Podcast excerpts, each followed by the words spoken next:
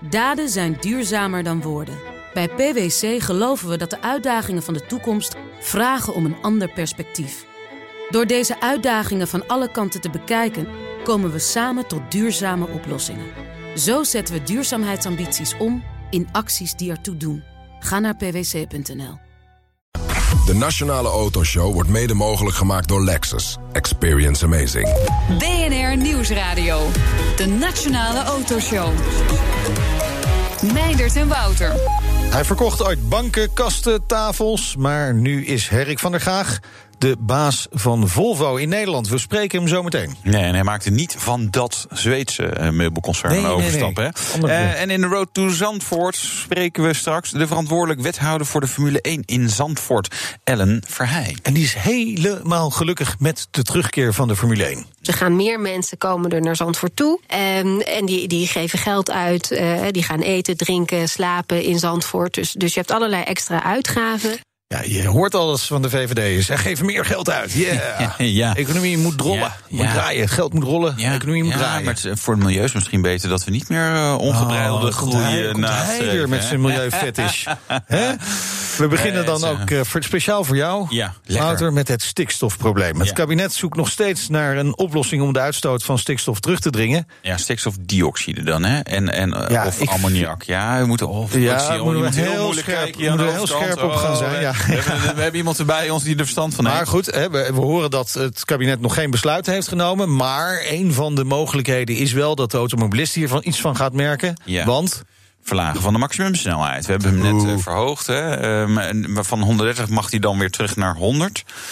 Twee opties. Algehele verlaging. Overal 100 km per uur maximaal. Ja, ja, ja, ja. Nou, als we dat dan ook in 80 kilometer zones doen, dan hebben we er wel een klein windje eh, gescoord natuurlijk. Eh, of een verlaging op de snelwegen in de buurt van Natura 2000 gebied. Ja. Ja. Goed, nou, de definitieve plannen worden na het weekend verwacht pas. Hè? Ja, want waarom zou je nu beslissen wat je ook vooruit kan schuiven? hè? Want regeren is vooruitschuiven. Precies. O- Over die uitstoot van stikstof door auto's gaan we praten met eh, Norbert Lichterink, onderzoeker bij TNO. Welkom, leuk dat je er weer bent. Eh, Kom lekker dicht bij de microfoon staan. Ehm, we hebben jou eerder in de uitzending gehad, toen ging het over diesels. Maar jullie doen natuurlijk veel meer onderzoek eh, naar auto's. En eh, de cijfers van TNO worden ook gebruikt door overheidsinstanties. Ehm, en nu gaat het dus over stikstof. Op welke manier meten jullie? Ja, de uitstoot en de depositie heet het dan heel netjes. Hè? ja, de, de depositie, daar doen we niet zoveel aan. Dat is de verantwoordelijkheid van het RIVM. Maar eh, de uitstootcijfers eh, voor Nederland, die door iedereen gebruikt worden, Ja. ook door de regering en door het RIVM, die eh, komen eigenlijk bij ons vandaan. En daarvoor meten wij op de weg. Dus wij Ja. meten jaarlijks meten wij voertuigen. En omdat het over snelheidsverlaging gaat, wij proberen dat ook te weten op de plekken waar het relevant is. Ja. Zo rij je bijvoorbeeld de A- A4 af en dan de A10 west. Om eh, echt op de plek te meten waar, eh, waar die snelheden gelden. Ja. Ja, maar eh, je zou dan eigenlijk eh, de wet moeten breken om ook te kijken hoe het, hoe het gaat als je 130 rijdt waar je 100 mag. Want misschien valt het wel mee en zegt, nou joh, jullie kunnen rustig eh, de snelheid verhogen. Nou ja, op de A4 zit ook een stukje 130. Ja, dus, ja, ja. dus dat weten we ook, ja. Ja, oh, oké. Ehm, ehm, het is een verzamelnaam, hè, en ik probeerde net wel even iets uit te leggen, maar we hebben hier nu iemand van TNO die heeft ervoor gestudeerd en die weet het allemaal. En dus, dus w- w- wat, het zijn verschillende gassen hè, waar, die een probleem kunnen zijn. Daar, en, Ja, het, wordt, het wordt over het algemeen stikstof genoemd, maar eigenlijk gaat het over eh, stoffen waar stikstof in zit. Hè, want Ja. stikstof is ook in de lucht. Maar sommige stoffen, de stikstof die slaat ook neer en komt in de grond terecht. En als we het over eh, voertuigen hebben, dan eh, hebben we het over ammoniak. Ja. Komt uit auto's en stikstofoxides. Dus stikstofdioxide en stikstofmonoxide. En verschilt dat nog met wat er uit de koeien komt? En de varkens? Nou, eigenlijk de koeien, eh, de heilige koeien en de koeien lijken nogal op elkaar. Ze, ze stoten allemaal ammoniak uit. Ja. Eh, stikstofoxide, wel, stikstofoxide komt bij de auto vandaan en ze stoten, stoten ook eh, methaan uit. ja, maar en dat ze is een kunnen ook beide zeer smakelijk zijn, maar we moeten van beide minderen, helaas. Schijnt, ja. Ja, ja. maar oké, dan naar de schadelijkheid van die, van die stikstof en die, wat, wat er uit een auto en die koeien komt. Hoe, hoe schadelijk is het? En dan gaat, dan gaat het juist weer om die depositie, hè, wat er neerkomt. Ja, ja, in dat, Dat geval vervliegt dat, eh, nou ja, prima, dat is Ja. geen probleem. dan, vliegt het naar het buitenland en dan eh, hebben ze daar het probleem. Zo is dat. Maar eh, ons werk is eigenlijk maar een heel klein puzzelstukje in de grote puzzel. Eh RIVM doet de depositie. Ja. En de depositie, daar zitten allerlei details in van uh, hoe ver is de weg af van je natuurgebied. Nou, Nederland is een postzegelland waar uh, de wegen en de woningen en de boerderijen en de natuurgebieden allemaal op elkaar zitten. Ja, en we die, hebben eigenlijk niet echt natuurgebieden. Ik bedoel, vijf, vijf bij zeven kilometer is dan... dat, ja, nou, maar hoe gaan we het anders doen? Ja, weet ik niet. Nou, gewoon, ja. ik veel, Flevoland ontvolken, gewoon een groot natuurgebied van mij. Zoiets. Ja, okay, weet nou, je, dan, dan heb je een beetje... Of, of je poldert nog een gedeelte in en dat maak je natuur. Ja, dat kan ook. Ja. Of Schiphol verplaatsen we naar, uh, naar de zee en dan maken we dan één groot natuurgebied bij. Nee, er moeten woningen komen. Nee, ja. het is niet goed voor jouw woningwaarde hè, als er meer komen. Dat is waar. Dus er moet een natuurgebied komen. Uh, maar goed, we onderbreken je weer met een ontzettend dom verhaal over, uh, over natuurgebieden. Nou ja, het, is allemaal relevant, maar in principe, als je dus kijkt naar de uitstoot van voertuigen, op het moment dat er dus de voertuig de vlak bij de zeg maar natuurgebieden zijn, ja. ja. dan hebben ze toch een bijdrage. En in totaal telt uh, voertuigen, zeker voor ammoniak, nauwelijks mee. Je praat over 4% van de totale uitstoot. Maar ja, als het Okay. op een plek is waar het relevant ja, is, dan okay. wordt het belangrijk. De, de voertuigen, dan gaat het dus om personenauto's, maar ook vrachtwagens, bussen en dergelijke. Ja, wij, wij houden het hele park bij. En uh, inderdaad, uh, en dat is de vrachtwagens, de personenauto's, de bestelauto's. Ook een beetje ja. bromfietsen en motorfietsen, maar dat is allemaal ah, okay. minder relevant. Oké, maar belangrijk, 4% dus uh, van de Nee, van de ammoniakuitstoot. Ammoniakuitstoot, oké. Ja. ja. precies. De, die, en, maar dat, dat, die ammoniakuitstoot, dat is het probleem voor de huidige crisis. Nee, de, oh. dus de beide, de, dus alle, materiaal, alle stoffen waar stikstof in zit, ja. die dragen bij okay. aan het uh, stikstofprobleem. Dus we praten over stikstofoxides en ja. ammoniak. Waarbij ammoniak wat belangrijker is dan de stikstofoxides. Oké, okay. okay. maar toch, ik hou even die 4% vast. Hè? Dat is belangrijk volgens mij. Nee, en die stikstofoxide, oh. daar, daar, daar, daar hebben we een verkeer, hoger percentage. verkeer een groot aandeel. Ja. en nee, hoeveel groter is dat dan? Ja, bijna de helft. Bijna de helft. nog graag, uh, bijna, bijna de helft. Ja. Ja. Dus daar, als ze zeggen, nou, we gaan eens even sleutelen, dan heeft het dus zin. Uh, daar heeft het zin. Ja, en ik denk dat ook, dat ook de belangrijkste reden waarom er op dit moment gesleuteld wordt aan de snelheidsverlaging. Want uh, ja. de stikstofoxides, daar waar het verkeer de belangrijkste bron is.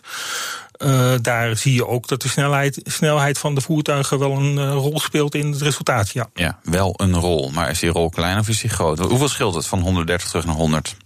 Als je dus van 130 teruggaat naar 100 20, dan heb je 8% te pakken. Als je van 130 teruggaat naar 100, heb je 25% te pakken. En als je van 130 teruggaat naar 80, ja. dan heb je 35% reductie te pakken. Ja. Van de totale emissies van uh, bestelauto's en personenauto's gemiddeld. Ja. Oké. Okay. Ja, dan ga je ook wel fors uh, vertragen, zeg maar. Als we gewoon de auto's stil laten staan, dan hebben we 100% reductie. Maar dan, kunnen we, dan komen we ook nergens Nou, meer. tenzij je de motor laat draaien. ja, dat klopt. Ja, dat is niet zo gunstig als je nee, de motor laat draaien. Nee. nee. nee. Nee. In hoeverre verschilt het? Maar, maar het heeft dus wel impact. Hè? Dus, op, op de uitstoot heeft het zeker impact. Ja. En, en hoe het dan samenhangt met de depositie. Ja, ik voel ja, hem maar aankomen dan hangt het echt af van gebied naar gebied, van postzegel ja, ja. naar postzegel. Ja. ja, ja. Maar dus als, als je niet langs een natuurgebied rijdt, dan uh, vlam lekker door. Dus dat uh, zal niet het officiële uh, advies zijn van TNO, maar zo interpreteer ik hem dan even. Kijk, dat is jouw vertaling. Deze vraag moet je aan het RIVM stellen. Die kan er vast een, een, een mooi beeld bij geven hoe belangrijk het is, afhankelijk van de afstand. maar daar, daar speelt het wel een rol. En de totaal dus wat minder, maar lokaal wel. Lokaal. Um, Scheelt het nog? Zit er grote verschillen tussen de moderne en, en oudere auto's? Ja, ja, maar het is wat complexer dan van vies naar schoon. Hè? Ja. Dus de, de moderne dieselauto's waar we het de vorige keer over hadden, ja. die zijn op NOx-emissie, de stikstofoxides, heel erg schoon. Ja, maar moderne maar, benzines. Maar ze stoten wel weer ammoniak uit. Ja, oké. Okay. Ja. Dus uh, van de, de, ene... de, de uitstoot van ammoniak die is juist gestegen. Die is, ja, we zien nu de eerste Met de auto's, moderne motoren. De eerste auto's, we zien nu de eerste auto's die schoon zijn, die lage stikstofoxides hebben en als, eigenlijk bijna als gevolg uh, wat uh, meer ammoniakemissies. Ja. Maar dat is voor diesels, want voor benzine zit dat, dat weer anders. Hè? Want diesels ja. doen we allemaal niet meer. Ja. Dat is, ik hoor straks Volvo ook zeggen, nou diesels kappen we mee. Dus okay. benzine. Be, hoe, hoe, hoe, zit het met benzines? Ja, met benzineauto's, daar, uh, dat was van oudsher de bron van ammoniakemissies. Ja. En uh, omdat er drieweg-katalysator al sinds de jaren 90 zeg maar, onder een auto zat. En dat was vroeger de enige bron van ammoniakemissies van, uh, van voertuigen. Maar nu zijn daar dus de dieselvrachtwagens en de diesel personenauto's bijgekomen. Ja, maar het is, dat is nu nog steeds dat daar ammoniak uitkomt uit de benzineauto's? Ja, er komt nog steeds ammoniak uit. Uh, en we, we, kijken nu ook wat meer detail naar uh, wat daar aan de hand is. En, is er iets aan te doen? Een oudere diesel gaan rijden dus. Ik denk dat, uh, dat je dan de balans nog steeds niet uh, op de goed hebt. Nee. um, wat we wel zien is. Oudere benzine zonder driewegkatalysator. Uh, ja, dat is nog erger. Dan ja, heb je oh, echt de allerergste NOx-uitstoten okay, nee. te pakken. Nee, maar er is inderdaad, uh, als je kijkt naar de verschillende voertuigen... je ziet sommigen die het gewoon beter doen... en anderen okay. die het minder goed doen. Ja. Ja, en de, of, of allemaal elektrisch gaan rijden, hè, natuurlijk. Dan... Uh... Ja, als je een, een probleem geld hebt, dan... Ja, ja, ja. precies. Ja, ja. dat is zeg je terecht punt. Nou, nou uh, zie jij ook al die potentiële maatregelen voorbij komen. Hè. We, we noemden net al uh, maximumsnelheid al geheel verlagen. Enkel bij Natura 2000 gebieden. Autoloze zondag wordt uh, genoemd. Of een slooppremie bijvoorbeeld voor dieselbusjes. Waarvan zeg jij nou, die maatregel, daarmee ben je eigenlijk het beste bezig? Dan, dan heb je het meest effectief, effectieve ja. maatregel. Ik denk dat de snelheidsverlaging best een effectieve maatregel is, omdat het dus op het hele park, hele park slaat. Mm. Ja, en als je niet zo'n leuk antwoord, hè? Niet zo'n leuk antwoord. Nee, nee, probeer het nog een keer. Oké. Okay. Even goed uh, nadenken. Nou, wat, wat ook uh, op dit moment aan de hand is, is dat er vrachtwagens zijn uh, die gemanipuleerd worden. Dus daar wordt de SCR-installatie uitgezet. Uh, daarop handhaven zou een, okay. een, goed idee zijn. En wat we dus recent, een paar jaar geleden, hebben gesignaleerd, is dat er een aantal benzineauto's zijn wat oudere benzineauto's die wel wat eens problemen hebben met hun uh, regeltechniek. En, uh, en daardoor hoge, ook hoge stikstofoxides uitstoten. Oké, okay. ja. ja. Dus ik zeg slooppremie. Nou ja, of, of, repareren. Of repareren. Ja, dus een APK-test, een goede APK-test en repareren. Dankjewel uh, Norbert Lichterink, van onderzoeker bij TNO... voor de, het schaffen van de broodnodige duidelijkheid. Na het weekend weten we hoogstwaarschijnlijk meer over de maatregelen. En zometeen, Wouter. We spreken een nieuwe baas van Volvo. Ja, uh, onder meer over... Ja, uh, stoeltjes. Oh nee, dat deed hij hiervoor. Ja, recharge. Uh, recharge, veiligheid, care bij Volvo. Oh, hoe het gaat met de verkopen. Ja. Nou, van alles en nog wat. En, en wat er allemaal aankomt. Ja. Oh, oh. BNR Nieuwsradio. BNR, de Nationale Autoshow. Het is 17 minuten over drie. Nog heel even terugkomend op uh, die stikstofdiscussie, Wouter. Want wij hebben een poll gezet op onze Twitter. BNR Autoshow. Ga ja. er vooral uh, kijken. Volg ons natuurlijk. Maar die uh, poll, dat was de maximumsnelheid op wegen. Snelwegen moet omlaag om de uitstoot van stikstof terug te dringen. Eens of oneens. 45% is het eens, oneens 55 procent. Ja, en we leven in een democratie. Ja, dus 291 dit, stemmen, dus dat is uh, ja, geregeld. Ja. Ik denk dat dat komt al aan in Den Haag, denk ik. Ja, dat lijkt mij ook. Goed. Uh, ruim, een hal, uh, ruim een jaar geleden werd Herrik van der Gaag... algemeen directeur van Volvo Car Nederland. Maar vandaag beleeft hij pas echt zijn vuurdoop... want hij is de gast bij ons. Welkom. Dankjewel. Zo, het gaat echt beginnen nu. Ja, ja. ja, ja eerlijk gezegd keken we toen een jaar geleden wel een beetje op van uw benoeming. Hè? Want u bent helemaal niet uit de autobranche afkomstig. Nee, maar de retail. Klopt. Ja, uit de retail, uit de, uit de wereld van klanten. Wat dat betreft is dat vergelijkbaar, ja, denk ik. Met, dat is een mooi antwoord. Ja, dat is dus, uh, heel ah, mooi. Ja, ja, ja, je kan ook de variant geven dat zes stoelen achter elkaar... of rondom een tafel of achter elkaar... is eigenlijk niet heel groot verschil. Nee, maar, maar uw meeste uh, ervaring met Volvo's is waarschijnlijk... van de mensen die bij het uh, woningwarenhuis uh, Woonexpress kwamen... om die spulletjes in die Volvo die waren te heel groot en daar kon dan alles in. Dus het waren graag geziene klanten, zeker. Ja, toen ook al. Zo, eh, waarom deze stap dan? Uh, ja, die hebben we al een jaar geleden genomen. Ja, maar... nee, maar het is een goede vraag wel. De, de waarom de stap? Uh, met name de combinatie van een, een merk wat heel anders in de auto, autobranche bekend staat. Een combinatie van innovatie, design en techniek. Eigenlijk wat samenkomt. En ook wel heel belangrijk vanuit de businesskant. Een, een, in een wereld die heel erg aan het veranderen is. Hè, waar waar veel verandert rondom hoe verkoop je auto's, uh, hoe rijd je auto's, hoe bezit je auto's. Dus ja, voor iemand die vanuit klanten denkt, is dat een super interessante wereld om Ja. te mogen ervaren. Ja. En Volvo was toevallig ook op zoek naar iemand die geen verstand had van auto's. Dus dat kwam mooi En dat uit. was gelukt? Dat kwam mooi uit. Had je, had je ook geen verstand van auto's? Eh, ik, ik weet waar het stuur zit en het gaspedaal. Ja. En, Ja. eh, dat wist ik Maar heel ik kan me wel voorstellen dat ze ook wel, wel een autoliefhebber dan willen hebben. Eh, Of je moet niet? er wel gevoel voor hebben. Ja, precies. Ja, tuurlijk. Je moet wel van je Dus, product eh, houden. En dat, dat was wel eh, gepast, ja. Dus eh, dat heb ik eh, wel. En eh, ik denk dat eh, ehm, met name ook het idee van rondom hoe werkt auto's, hoe werkt distributie, hoe werkt verkoop, hoe werk je met dealers samen. Dat vonden ze een hele belangrijke pre. Ja. Maar daarentegen de nieuwe uitdagingen die in de autowereld zijn, misschien tegemoet gaan met niet conventionele oplossingen, maar met eh, oplossingen die van elders Ja. komen. Veel Ja, gedaan is in het verleden met e-commerce, eh, eh, met al online, elektronica, eh, eh, andere consumentengoederen. Ja. En eh, ja. Ja. ik denk dat dat een interessante Nou, nou, is. nou lopen Wouter en ik al wat langer in dat wereldje rond van, Ja. eh, van auto's en mobiliteit. Daarom waren wij dus niet geschikt blijkbaar voor die functie. Ja. Hè? Maar Ja, eh, helaas. nou, we vinden ook heel leuk wat we nu doen.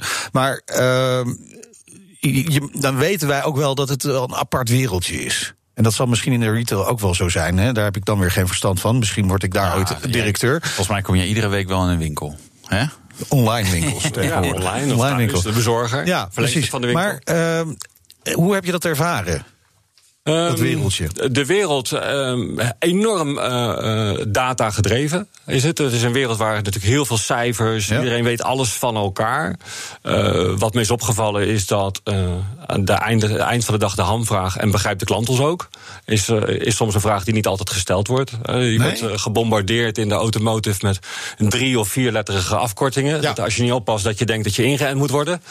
En waarbij je dus soms afvraagt, kan de consument, ik zeg altijd, kan, eh, kan de consument eh, die gewoon in Hogeveen woont, eh, begrijpt hij ook waar we het nog over hebben met elkaar. ja, ja. En ik denk dat dat wel heel belangrijk is om soms dat perspectief gewoon terug te nemen. En toen ben je naar Zweden gegaan en gezegd: Weet je wat, als we nou nog een keer die naam van die plug-in hybrids veranderen, dat is wel een goed idee. Dan kunnen mensen echt helemaal niet meer volgen. Dan kunnen we ze alles wijs maken. Ja, dus noemen ze gewoon recharge. Ja, recharge, ja, ja. Het was ooit de- opnieuw op, ja. Plug-in hybrid electric vehicle. Toen werd het twin engine en nu is recharge. Dezelfde, dezelfde auto kan, nou, Ja. kan net niet drie namen hebben gehad volgens mij. Maar eh, dat gaat natuurlijk wel hard. Hoe, mm, we hadden het net ook over dealers. Heb, heb je dan ook een, heb je een rondje gedaan rond eh, de velden? Absoluut. Sterker nog, dat, dat doe ik eh, eh, met grote regelmaat. Een van de Ja. allereerste dingen die ik gedaan heb toen ik startte, was letterlijk in mijn eerste 100 dagen alle locaties bezoeken.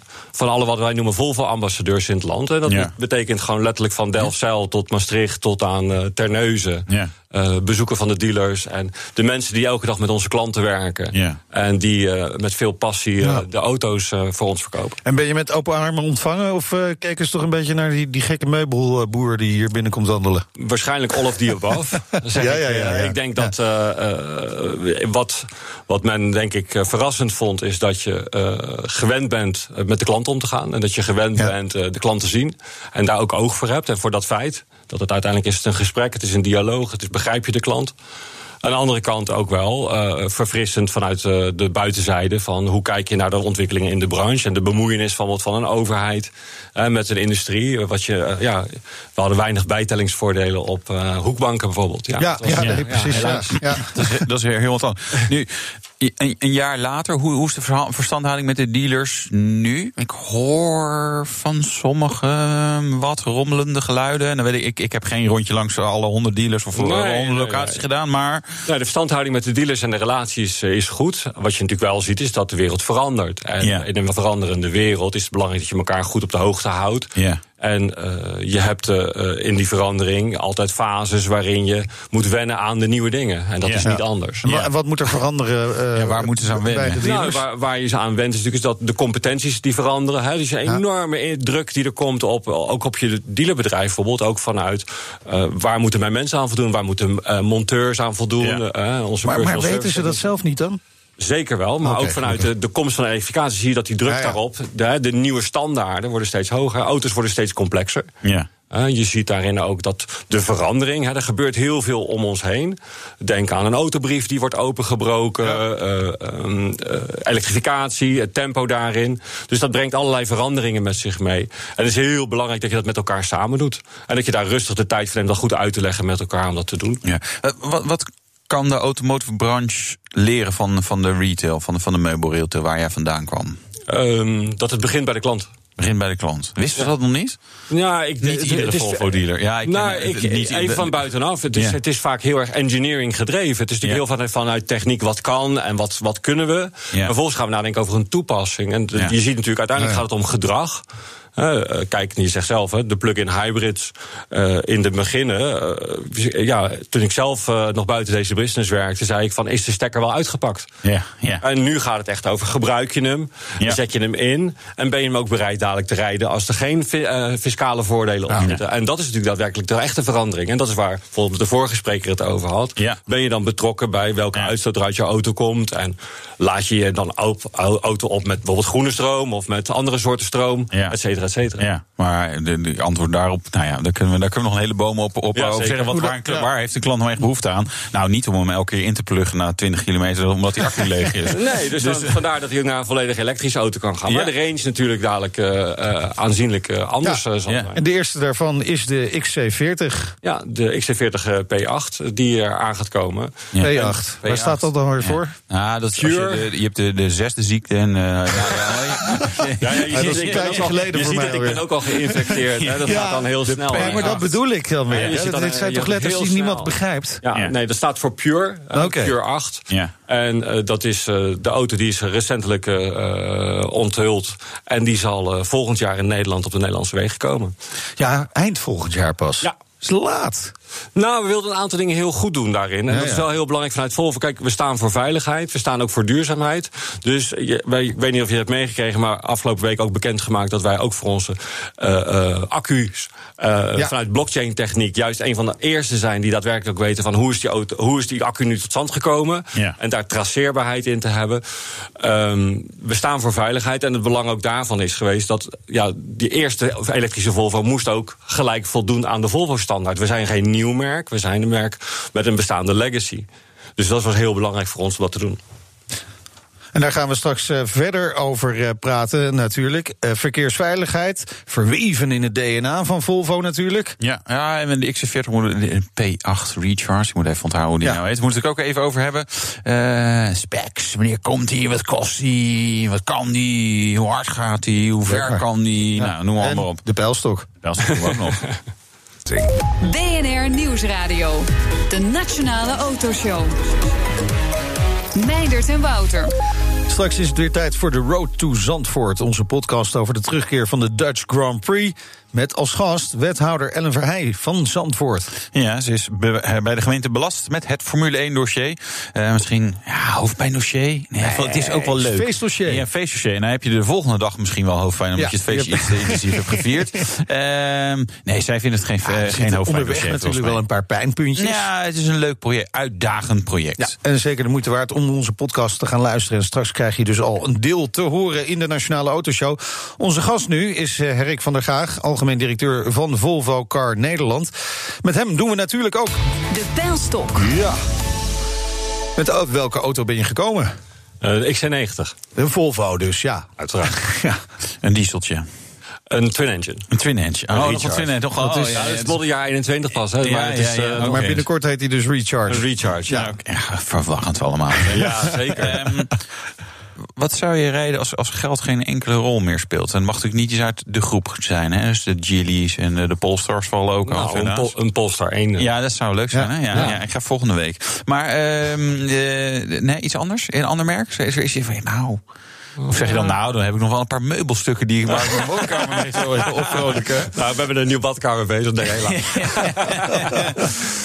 Nee, geen, geen andere Nee, model? de, eh, de Polestar 1 zou echt wel een, eh, een mooie zijn. Maar of een hele mooie eh, Volvo eh, P1800 eh, zou ik ook nog wel... eh, Ja, ja, dan ga ik je- naar meer naar een klassieker. Ik heb thuis nog een oude kever staan, dus eh, Oh, kijk. uit 1971. Dus iets eh, wat klassieker is, dat zou ik dan Ja. nog eerder ver- Oké. favoriseren. Nou, Als geld goed. geen rol zou spelen. Ja, nou, bijna toch, hè? Succes dat je gaat ja, boeken. precies. Als je algemeen directeur van Volvo Car Nederland bent. Hebben wij, eh, eh, met- grootste verwachtingen Ja, precies. De XC40, we hadden het er net over. De Recharge, de volledig elektrische XC40. Eind volgend jaar komt hij dus eh, eh, op de markt. Ja.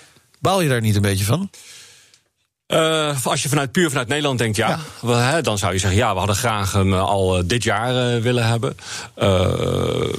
We hebben er echt heel bewust wel voor gekozen, om de auto moest met Volvo standaard ook de weg op. Het is de allereerste elektrische Volvo. Ja. En we wilden zorgen dat die, hij moet veilig zijn, bovenal. Ja. Uh, maar ook uh, veilig in, in al zijn dynamiek. Hè. We hebben niet voor niks dat we zeggen: het is personal, het is safe en het is sustainable. Hij moet, hij moet het veilig zijn, hij moet duurzaam zijn en hij moet geschikt zijn. En dat betekent dat ook met alle uh, noviteiten die de auto aan boord heeft. Hij heeft ook dadelijk, hij draait op, op Google. dus dat zal ook betekenen ja. dat hij van alle nieuwste techniek ook voorzien is. Het is daadwerkelijk ook een nieuwe lancering. Hè. De auto is van binnen anders dan eigenlijk dan ook de huidige XC40. Oh. Dus uh, dat ga je nog zien natuurlijk. Je, hem, We hebben al gezien, ja, ja, ja, ja, anders, maar ook niet, een, een niet radicaal anders, nee. maar wel qua infotainment. Infotainment, absoluut. Ja. Uh, echt een andere auto dan wat er nu staat. Ja, ja en dat, dat is wel een hele belangrijke component in een, in een, in een auto. Zeker in de huidige auto, ja. ja. Wat, wat gaat die kosten? Even de uh, Nederlandse vraag, zeer van belang uh, tegenwoordig. 59.000 59.000 euro. Ja. Ik, ik zei, toen ik die prijs hoorde, zei ik meteen: ik vind het fors. Omdat je, je hebt een uh, lage bijtelling tot, uh, tot 45.000 ja. euro, hè, dus 8% En dan over die 5, die toch 22 Het wordt niet de prijspakker. Nee. Zoals die zou kunnen zijn, zou leg ik even Nee, de, de, de, de P8 is, uh, is niet, zoals je noemt, de prijspakker. Uh, het is een, de volledige auto. De auto met een wat kleiner accubereik, die zal ook nog komen. Hè. Dus dat zal, die zal een jaar na, daarna komen. Dat zou ja. vanuit een Nederlandse situatie nog niet steeds... want dat, de, de, de maten schuiven alleen maar op. Ja. Dat geeft ook gelijk aan dat natuurlijk voor een mondiaal product... Uh, dat niet altijd naar Nederlandse timings en maatstaven gaat. En dat vond ik ook het interessant toen ik in deze business kwam. Is hoe zie je, hoe, hoe match je dat met elkaar en hoe zorg je dat het op, opgelijnd wordt? Nou, nou, nou kan ik me dat bij heel veel automerken heel goed voorstellen. Hè? Hm. Dat ze helemaal geen rekening houden met de Nederlandse markt. Maar juist bij Volvo, eigenlijk. Nederland wordt altijd genoemd als de tweede thuismarkt van Volvo. Ja. Dat ze daar nou niet een beetje meer rekening mee houden. Ja, nou ja, dat is uh, in ieder geval, dat was de stand van zaken. Dat heb ik ja. gewoon, zo zie je het, zo kom je binnen en zo tref je het ja. aan. Wat we nu aan het doen zijn, is wel de, de voorsprong in elektrificatie. Ja. En daarin zeg maar ook de voorlopersrol die Nederland en ook in Noorwegen heeft binnen het Volvo-concern. Ook duidelijker positioneren om er daar ook meer uh, voordeel van te kunnen hebben. Zodat er meer uh, elektrische Volvo's naar Nederland komen. Ja, daar zodat ook nu... meer capaciteit ook beschikbaar komt voor de Nederlandse markt. Oké, okay, ja. Uh, maar het wordt volgend jaar sowieso wel een beetje bikkelen. Hè? Want uh, een, een veel verkochte Volvo in de afgelopen jaren is, is de compacte, vrij fijne auto, de Volvo V40. Ja. Nog steeds uh, 28% van, van, van de verkopen dit jaar. 1 op de 4. Ja. En nou ja, 1 op de 4, die, die klanten zie je volgend jaar niet meer terug, want uh, hij, hij, is exit. Uh, dat klopt, hij is inderdaad exit. Hè, dus, ja. uh, en wat volgend jaar zal gebeuren is dat in de XC40 zal wel een ander instapmodel nog komen. Ja. En dus er komt de XC40 T2 zal er komen. Dus ja. die zal in feite het, het, prijsniveau nemen. Iets boven waar nu de huidige. Iets boven, iets. iets boven waar nu de huidige V40 zit. Maar daarmee zie je dat we afscheid hebben genomen van een, een auto waar het platform niet geschikt is voor elektrificatie. En dat paste niet in de visie vanuit Volvo om te zorgen dat we in de komende jaren, binnen nu en vijf jaar, tot 50% van ons volume vanuit volledig elektrische auto's. Ja. En de overige auto's eigenlijk alleen maar conform het recharge-principe. Een, een, een, ja. een plug-in hybrid of een kerstgeondersteunende motor zal zijn. Is dat het prijsniveau van nieuwe Volvo sowieso niet een trapje omhoog aan ja, het gaan. En je ziet dat Volvo zeg maar meer premium is geworden ja. in de afgelopen jaren. En dat is zeker uh, wat je kan zien. En dat is natuurlijk vanuit de markt om ons heen. Dat vind ik interessant als je dan niet zoveel van de automarkt kent. Dan zie je dat uh, wij ook nog een hele andere mix van auto's hier in Nederland zeg maar, met elkaar verkopen. dan dat, dat in de omringende markt om ons ja. heen gebeurt. Ja. Dus de, ja. Ja, ja, absoluut. Maar het betekent wel gewoon echt een, een, een stap terug qua volume. Want ik, de- hè, de- niet iedere V40-rijder zal überhaupt een XC40 willen. Ik bedoel, ik, ik rij een compacte hatchback van een ander merk. Maar ik hoef niet de, de, de compacte SUV van datzelfde merk of van een ander merk. Ja. Dus in- het interesseert me gewoon niet. Ik wil gewoon een andere auto. Dus dat, je gaat inleveren op een of andere manier op volume. Ja, het volume van de V40 zal je daarin een stukje eh, eh, kwijtraken. Ja. Wat daarin tegen toegevoegd wordt, is natuurlijk het volume ook van de volledig elektrische auto. Ja, maar die komt als eind van het jaar. En als we een beetje goed, uitstel hebben, dan... Maar goed, en er zijn ook nog wat V40's beschikbaar. dus uiteindelijk kijken we naar een volume waarin dat eh, op die manier goed loopt. Terugkomend op die eh, volledig elektrische Volvo. eh, je had het net over de veilig, het veiligheidsniveau. Hè, dat, Ja. dat, eh, dat dat goed moest zijn. Ja. Naar, naar Volvo-standaarden. om- Voordat je hem op de markt wil brengen. Eh, dat is natuurlijk een van de kernwaarden van Volvo altijd al geweest. Sterker nog, er was een belofte. Ja. In 2020 zouden er geen doden en gewonden meer mogen vallen in en rond een Volvo. Nou, het is nog even te gaan, niet al te lang meer. Eh, gaat, het, gaat het nog door? de doelstelling die we daarmee geformuleerd hebben hè, vanuit Moments, hè, dat is Ja. ook wat wij in het begin dit jaar ook nog herhaald hebben. Dat is een doelstelling die bij ons vast geankerd is. Dus wij, dat is ook ons doel wanneer Ja. wij de auto ontwikkelen, wanneer we de auto ontwerpen en wanneer we de auto ook releasen. Ja. Dat dat eh, uitgangspunt moet zijn. Maar- Daarbij is altijd een streven en geen garantie. Dus het, het jaartal wordt losgelaten? Begrijp ik Nee, dat goed? het, nou ja, het jaartal haalt zichzelf in. Hè. Dat is, hè, de kalender tikt vanzelf door. Ja, ja, hè, dus dat gaat ik, vanzelf. Maar wat je ziet is dat veiligheid is eh, onderdeel van ons DNA. Maar- dat wordt niet losgelaten op die datum. Hè. Dus wij nemen dat gewoon mee. En je ziet ook dat we daarin dat dat voor ons een uitgangspunt is. Ja. Veiligheid en duurzaamheid. En wij willen met de duurzaamheidshoek zeg maar dezelfde positionering hebben die we nu ook op veiligheid Maar hebben. goed, j- jullie kunnen het niet hard maken dat dat niet meer gaat gebeuren natuurlijk Nee, in dat kun je nooit. 2020. Je kunt nooit hard maken dat de omgeving niet wat er gaat gebeuren. Hè. dat Dus iemand uiteindelijk- heel hard tegen een Volvo aanloopt, rent. Eh, en dan, wat, wat er nog zou kunnen gebeuren. Hè. Uiteindelijk, eh, wat ons doel is, is dat wij de auto zo veilig mogelijk Ja. maken. Een van de dingen die we daarin met name gezien hebben, is dat de bestuurder de grote verstoring was. En vandaar dat wij de aantal maatregelen toen genomen Ja. hebben met de snelheidsbeperking. tot Eh, maximaal 180 km per uur. ja, hè, dat, waarvan, je met 180 gebot, dan, eh, dan valt het allemaal mee. Waarvan de vorige spreker nog heeft gezegd dat dat onvoldoende is. Hè, dus dat hebben we ook meegekregen. Maar ook denk ook aan de care key, waarin wij op basis van de sleutel, zeg maar, de auto, zeg maar, op het moment dat je de auto zou uitlenen, met een ander profiel zou kunnen geven. Hè. Dus dan zou je dus wel veiliger eh, ook op die manier eh, Ja. de weg op kunnen. Oh, en wat kan die dan wel of niet? Dan kan je instellen bijvoorbeeld eh, tot welke snelheid de auto kan, gaan- kan rijden. Met een bepaalde maximum bijvoorbeeld. Ja. Oh, oh, dat is wel als ik mijn sleutel aan, de- aan mijn vrouw geef, maximaal 50. Maximaal vijf. Rustig aan. Ja, maar ik wilde sneller. Nee, maar gewoon binnen. Nee, gewoon binnen door. En misschien is dat in de toekomst ook nog, hè, dat je in de GPS dat soort instellingen kan instellen. Hè, dat je een geofencing kan doen rondom je eigen dorp. Ja. Ja, dus dat zou, eh, ik zie het eh, zeker voor me. Ah ja, ah ja. En, en eh, ja, die, die topsnelheid, dat zullen mensen toch niet helemaal leuk vinden. Jullie, Volvo heeft ook altijd wel performance gedeelte gehad. Ja. Is dat, gaat dat weg, Polestar, eh, in die zin? Nou, je, hebt, eh, je zegt het letterlijk. Een performance is letterlijk met Polestar meegegaan. En Polestar is een performance eh, premium merk.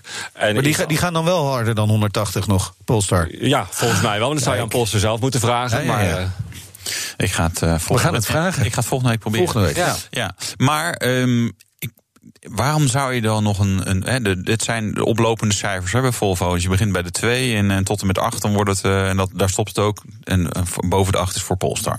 Ehm, waarom zou ik nog een, een, een dikke motor kopen dan? Want ja, ik kan er toch niet hard mee. het- ik denk niet dat je praat over een dikke motor vanwege het hard gaan of vanwege het harde rijden. Het is met name Van een mij wel, hoor. Ja, voor jou misschien wel. Maar ik denk dat het vooral gaat hier een stukje rijdynamiek, waar het met elkaar eh, waar het over gaat.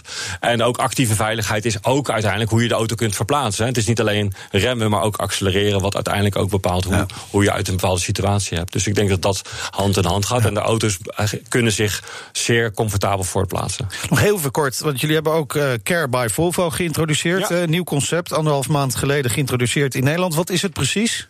Uh, Care by Volvo is eh, onze nieuwe vorm van een auto in abonnementsvorm. Ja. Als ik het in kort moet samen, eh, samenvatten. We kennen natuurlijk in Nederland al eh, de diverse leasevormen. Ja. eh, waarbij dat vooral voor een langere termijn is. En eh Care by Volvo is echt een, een abonnementsvorm waarmee we een test doen in Nederland. En dat wordt onder op dit ogenblik ook in Duitsland en in Amerika getest.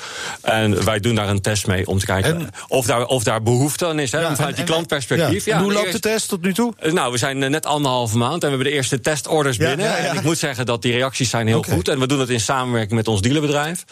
En eh, dat, is, eh, dat is heel mooi om te zien hoe we de nieuwe vormen van mobiliteit eh, op die manier uitproberen. Nou, moeten we later nog een keertje over doorpraten... hoe als de test is afgerond en misschien wel definitief wordt ingevoerd in Nederland. Dank. Erik van der Graag, algemeen directeur van Volvo Car Nederland. En zometeen de road to Zandvoort... met de verantwoordelijk wethouder voor de Dutch Grand Prix. Ja, over de terugkeer van de Grand Prix, de organisatie, vergunningen, het geld, niet onbelangrijk. En het mobiliteitsplan, want dat komt eraan. BNR Nieuwsradio. BNR, de Nationale Autoshow. Het is tijd voor The Road to Zandvoort. nog 177 dagen... en dan racen de Formule 1-auto's op circuit Zandvoort. De road to Zandvoort volgt de terugkeer... en alle voorbereidingen op de Dutch Grand Prix. En vandaag de gast Ellen Verheij, wethouder toerisme... economie, cultuur en ruimtelijke ordening van de gemeente Zandvoort. En dus ook belast met het Formule 1-dossier. Welkom. Dankjewel. Ja, we hebben afgesproken te tutoyeren. Daar zullen we ons aan proberen te houden. En dan zeg ik belast met het Formule 1-dossier. Dat klinkt misschien wat negatief. Zo voelt het hopelijk niet. Zo voelt het inderdaad niet. Het is eh, eigenlijk eh, ja, ook eh, een eer en genoegen, zou ik bijna zeggen, om dit dossier te mogen trekken. Want het is wel echt een van de mooiste dossiers die nu spelen in Zandvoort. Ja, en ik denk dat de hele wereld meekijkt Ja, dat. over je schouder. Ja, dat is zeker waar. Zandvoort nou ja, staat nou sinds het nieuws dat het definitief doorging... helemaal in de belangstelling. Maar daarvoor eigenlijk ook al. Het is toch Ja. een, een, een, ja, een onderwerp wat, wat ontzettend veel mensen aanspreekt. En, en er zijn natuurlijk ontzettend veel raceliefhebbers ook. Ja, zeker in Zandvoort. En Ja. die, die Nou, gaan en de er rest van. Nederland. Ja, ook nog. Maar eh, je, hebt een, best een portefeuille als wethouder. hè. Zo, een paar dingen genoemd. En daar weten we dan nog de, de, de helft niet van natuurlijk... als we alleen die ter- termen noemen. Maar eh, ik- hoe past zo'n Formule 1-project daar dan nog in? Slokt dat niet te veel tijd op? Er gaat eh, zeker de nodige tijd zitten in de Formule 1, maar dat is ook echt nodig. We willen het heel graag eh, ja, met elkaar ook tot een goed einde brengen. En, maar het is niet dat ik dat natuurlijk alleen doe. Dus we hebben een heel goed team eh, ook vanuit de gemeente. En, eh, ja, en datzelfde geldt ook voor andere onderwerpen die spelen. Want ja, Zandvoort is echt een badplaats in ontwikkeling. En ik, ja, ik sta zelf ook heel erg voor die vooruitgang. En je merkt wel dat dat, eh, ja, dat, dat nu wel wat vlucht begint te nemen. En ik heb ook bijvoorbeeld ja, een aantal ontwikkelprojecten in portefeuille. Dus de boulevard die wordt gerenoveerd. En we hebben nog twee pleinen aan de kust die, die we gaan ontwikkelen. Dus dat zijn wel ook heel veel echt heel leuke dingen. Waar ik ook wel heel veel energie van krijg. Moet Dus dat ook het is, allemaal eh, af zijn voordat de Grand Prix daadwerkelijk plaats gaat vinden? Dat zou dan wel mooi zijn natuurlijk. Ja, dat zou schitterend zijn, maar dat is niet het geval. Dat is niet haalbaar, Dat helaas. is niet het geval, nee. Hoeveel, hoeveel mensen binnen de gemeente werken er nu aan het dossier? Ja, dat, eh, dat zijn er toch wel. eh, ja, niet iedereen werkt fulltime aan het dossier. Dus dat Nee. vind ik wat lastiger om te Ja, zeggen. Maar er is wel echt een, een, een, flink team bij betrokken. Ook vanuit verschillende expertises die, die samenkomen. Hè. Want het, het gaat om mobiliteit, maar het gaat ook echt om zaken als veiligheid en vergunningverlening. En dan heb je ja, voor een evenementenvergunning ook weer andere expertise nodig dan voor de bouwvergunningen. Dus er komt wel ook heel veel samen zo voor de eerste editie. Ja, dat, eh, dat kunnen we wel zeggen. Eh, en het, het loopt eigenlijk al jaren. Hè? Dus, dus, hè, er wordt al jaren gesproken over de mogelijke terugkeer van de Formule 1 eh, naar, naar Zandvoort. Het gaat nu gebeuren. Ehm, hoe, hoe, hoe heb jij dat proces gevolgd? Nou, het loopt inderdaad al wat, wat langer. En het, eh, er is in eh, 2015 heeft eh, mijn partij, de VVD, ook een motie ingebracht. eh, tijdens de begrotingsbehandeling. Van nou, we zouden het heel mooi vinden als de Formule 1 terug zou keren naar Zandvoort. College, ga dat onderzoeken. regel en, dat eh, even. regel dat. ja. en, en dat is natuurlijk een, een, eh, ja, een machtig mooi idee. Juist ook vanuit eh, ja, een supermooie kans van- eh, van Zandvoort. En op dat moment kwamen er eigenlijk ook een paar ehm, dingen samen. Hè? Want, want eh, nou, de populariteit van Max Verstappen is echt wel een factor die heel erg Ja. mee eh, speelt. Maar ook eh, nieuwe eigenaren van het circuit. En dan komen er in de tijd een aantal zaken samen. En toen is er een haalbaarheidsonderzoek ehm, eh, geweest waaruit bleek dat het, ja, dat het hartstikke haalbaar is. En sterker nog, dat het ook behoorlijk wat oplevert. En ehm, nou ja, op dat moment. Is het ook wel weer zo. Kijk, wij zijn geen uh, partner richting uh, Formula One Management. Dat is echt vanuit de circuitorganisatie opgepakt. En die, die uh, hebben dat met succes volbracht. En nu kom je dan ook wel weer meer ook in de rol van de gemeente, van het faciliteren en het toetsen van die vergunningen en dat Ja. soort zaken. Maar kunnen we stellen dat het allemaal begonnen is met die ene motie? Nee, het is echt. eh, wat, net, dat eh, toch dat zou ik niet durven zeggen. En daarna dacht Max Maar, Verstappen, eh, weet je wat, nu ga ik ik ga de nog Formule harder 1. rijden. Ja, toch maar de nee, zo, 1. zo Ja. is het ook niet. Maar het, daarom zeg ik, er kwamen eigenlijk Ja. de politieke wil, eh, geïnitieerd door de VVD, eh, tezamen ook met eh, Max en de nieuwe eigenaren. Ja, dan, dan ontstaat er een soort momentum. En dan, en dan lukt het. Eh, Je, je, je deed zelf de voorzet. Je zei, het, eh, het gaat wat opleveren eh, voor de gemeente. Wa- Wat dan precies?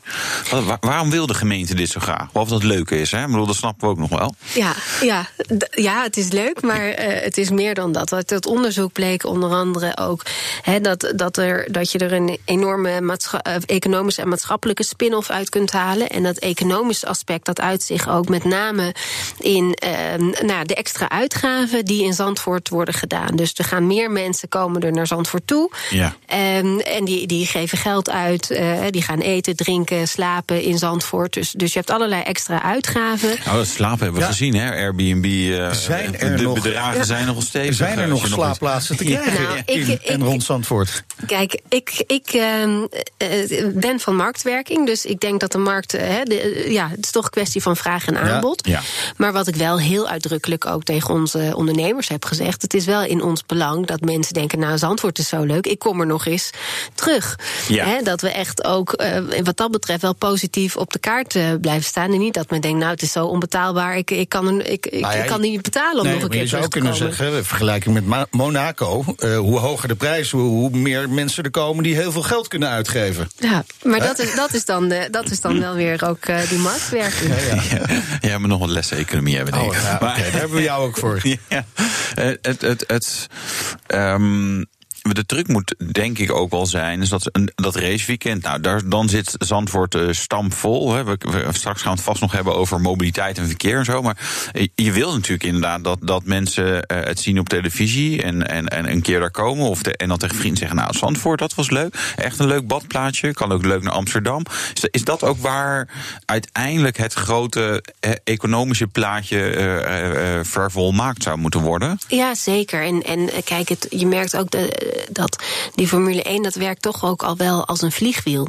En je merkt dat eh, ja, in de belangstelling die er is eh, voor Zandvoort, er zijn andersoortige partijen die zich melden, die wat willen doen in Zandvoort. Oh ja, En dat wat- zijn wel, dan? Welke dan? eh, Want we dat zijn heel nieuwsgierig. ja, ja, dat, dat is ja, pa- partijen die willen investeren in Zandvoort en Ja. Zandvoort vooruit willen helpen. En dat is. eh, ehm, Maar moeten we dan denken aan in het gebied van horeca, dat soort ja, zaken? hotels, hotels. hotels dat, dat soort eh, ontwikkelingen. En dat is denk ik hartstikke goed ook voor Zandvoort. Want waar we eh, naar streven vanuit ons toeristisch beleid... is ook ja, de kwalitatieve doorontwikkeling van Zandvoort. Dus hè, het, was, het was vroeger eh, meer het motto... nou, voor elk wat wils. Ja. Ehm, en We nu gaan naar Zandvoort we, aan zee, we nemen brood en koffie mee. Ja, hè? ja. en, nou, eh, ik ben inderdaad als 17-jarige nog eh, in, in, in de beroemde huisjes, eh, zeg maar, ja. in bungalowpark ook geweest. Als ik daar nu op terug denk, nou ja, ik was niet, zeg maar, de kwalitatief meest. eh, was nog meest niet heel goede kieskeurig toen. Nee, niet ja. Nee, maar en, en nu zie je wel dat, dat er. Nou ja, we hebben een, een, echt een heel mooi nieuw eh bungalowpark. En ook het bestaande bungalowpark is helemaal een hele facelift met een nieuwe wildwaterbaan. En een hotel is helemaal opgeknapt. Dus ook daar zie je wel in de bestaande Ja. grotere ondernemers. En, en uh, kleinere ook trouwens, die ook toch gaan investeren. Ja, het kost allemaal wel wat natuurlijk eh, voor die ondernemers, maar ook voor de gemeente. De gemeente trekt 4,1 miljoen euro uit voor de komst van de Formule 1. Eh, waarom is dat bedrag nodig en waarvoor?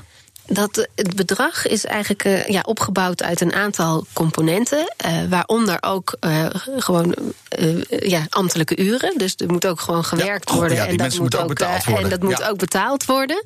Dus dat is een element. Werken jullie niet voor de eer? Dat is toch een eer om voor Zandvoort? Überhaupt het, het volksbelang dienen, landsbelang, ja, ja. Nee. Zeker, dat is, ja, nee, Ze het is waarschijnlijk toch net iets loon harder, naar werken, misschien. toch Ja, wel. Ja, toch wel. Oh, okay. En um, dus dat is een, een, een element. En daarnaast ehm, een toegangsweg. Ehm, dat, dat, uh, ja, dat is een, een versterken van de verbinding tussen het circuit en de boulevard. Um, is, is een element. De bereikbaarheid en de mobiliteit uh, is een element. De side events, uh, zoals we dat noemen, zitten daarin. het event is natuurlijk, ja, zijn de races zelf. Maar daaromheen willen we natuurlijk ook graag dat, dat mensen ja, in Zandvoort ook, ook blijven. En dat de mensen die er zijn zich ook kunnen vermaken in Zandvoort. Dus een, dat is ook een belangrijke. Maar, maar zijn er geen ondernemers die dat soort events willen organiseren en betalen? Ja, ook. Okay. Ook. En, uh, maar het is ook wel uh, dat, dat het. Uh, ja, uh, die economische spin-off, die, die, uh, ja, die, die, die wordt wel gegenereerd ook door dat goed te coördineren ja, ja. en te regisseren. Ja. En, en als er geen afstemming plaatsvindt tussen al die verschillende initiatieven, dan, uh, dan kan het ook net niks worden. Dank voor nu, Ellen Verheij, wethouder toerisme en economie, cultuur en ruimtelijke ordening van de gemeente Zandvoort. Dit gesprek gaat verder in de podcast The Road to Zandvoort. Ja, en alle reden om te luisteren, want wat gebeurt er op 35 dagen voor de uh, de start van de ja. Grand Prix. Want het is 35 jaar geleden. Ja, precies. Ah. Uh, hoe zit het met die vergunningen? De, de, weet je, er zijn natuurlijk best veel dingetjes waar je toch nog eventjes van een wethouder iets over wil horen. Dus uh, gewoon doorluisteren. BNR-app kan je vinden, iTunes, Spotify, via bnr.nl. Ik ben Wouter Karsen. Ik ben Meijnerd Schut. Dit was de Nationale Autoshow. Tot volgende week. Doei. De Nationale Autoshow wordt mede mogelijk gemaakt door Lexus. Experience amazing. Daden zijn duurzamer dan woorden. Bij PwC geloven we dat de uitdagingen van de toekomst vragen om een ander perspectief. Door deze uitdagingen van alle kanten te bekijken, komen we samen tot duurzame oplossingen. Zo zetten we duurzaamheidsambities om in acties die ertoe doen. Ga naar pwc.nl.